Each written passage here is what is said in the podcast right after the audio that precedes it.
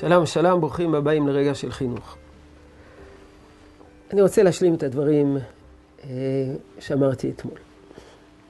לגבי מבחן התוצאה ביחס בין הבית לבין מערכת החינוך, שאפשר בן גמלה החליט להקים מערכת חינוך בעקבות תקנות קודמות של חכמי ישראל, בגלל שהוא ראה שהחינוך בבית איננו מספק.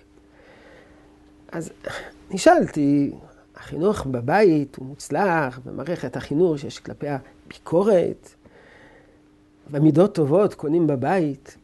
נכון. עיקר התקנה של יהושע בן גמלה זה היה, כפי שכתוב, ללמד תורה.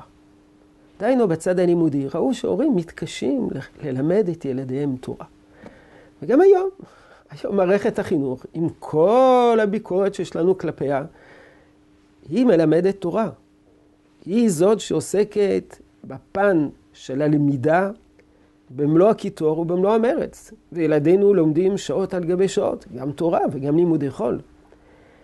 מה שקשור לתחום המידות, פיתוח האישיות, זה נשאר בבית. יהושע בן גמלה לא לקח את החלק הזה.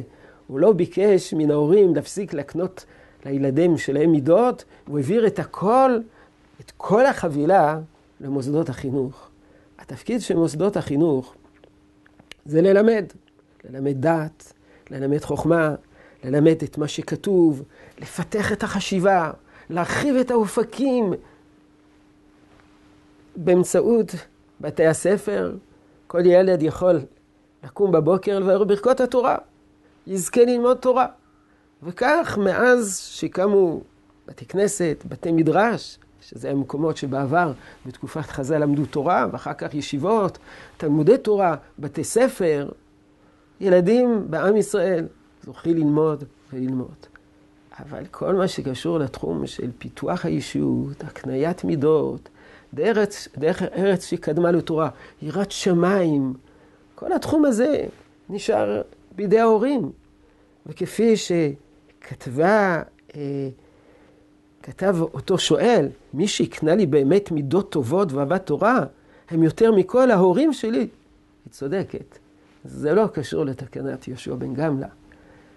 פיתוח מידות, פיתוח האישיות, זה התפקיד של ההורים. עכשיו הירש אומר שרק ההורים יכולים לעשות את זה, מכיוון שזה עניין אישי.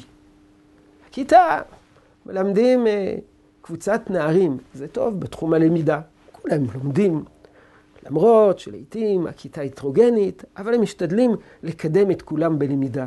מה שקשור לתחום של המידות, כל נשמה נשמה בפני עצמה, כשם שאין פרצופיהם שווים, כך אין דעותיהם שוות בתחום של האישיות, ורק ההורים בחינוך אישי, פרסונלי, מיוחד, הם יכולים לפתח את המידות ותכונות האופי החיוביות של הילדים.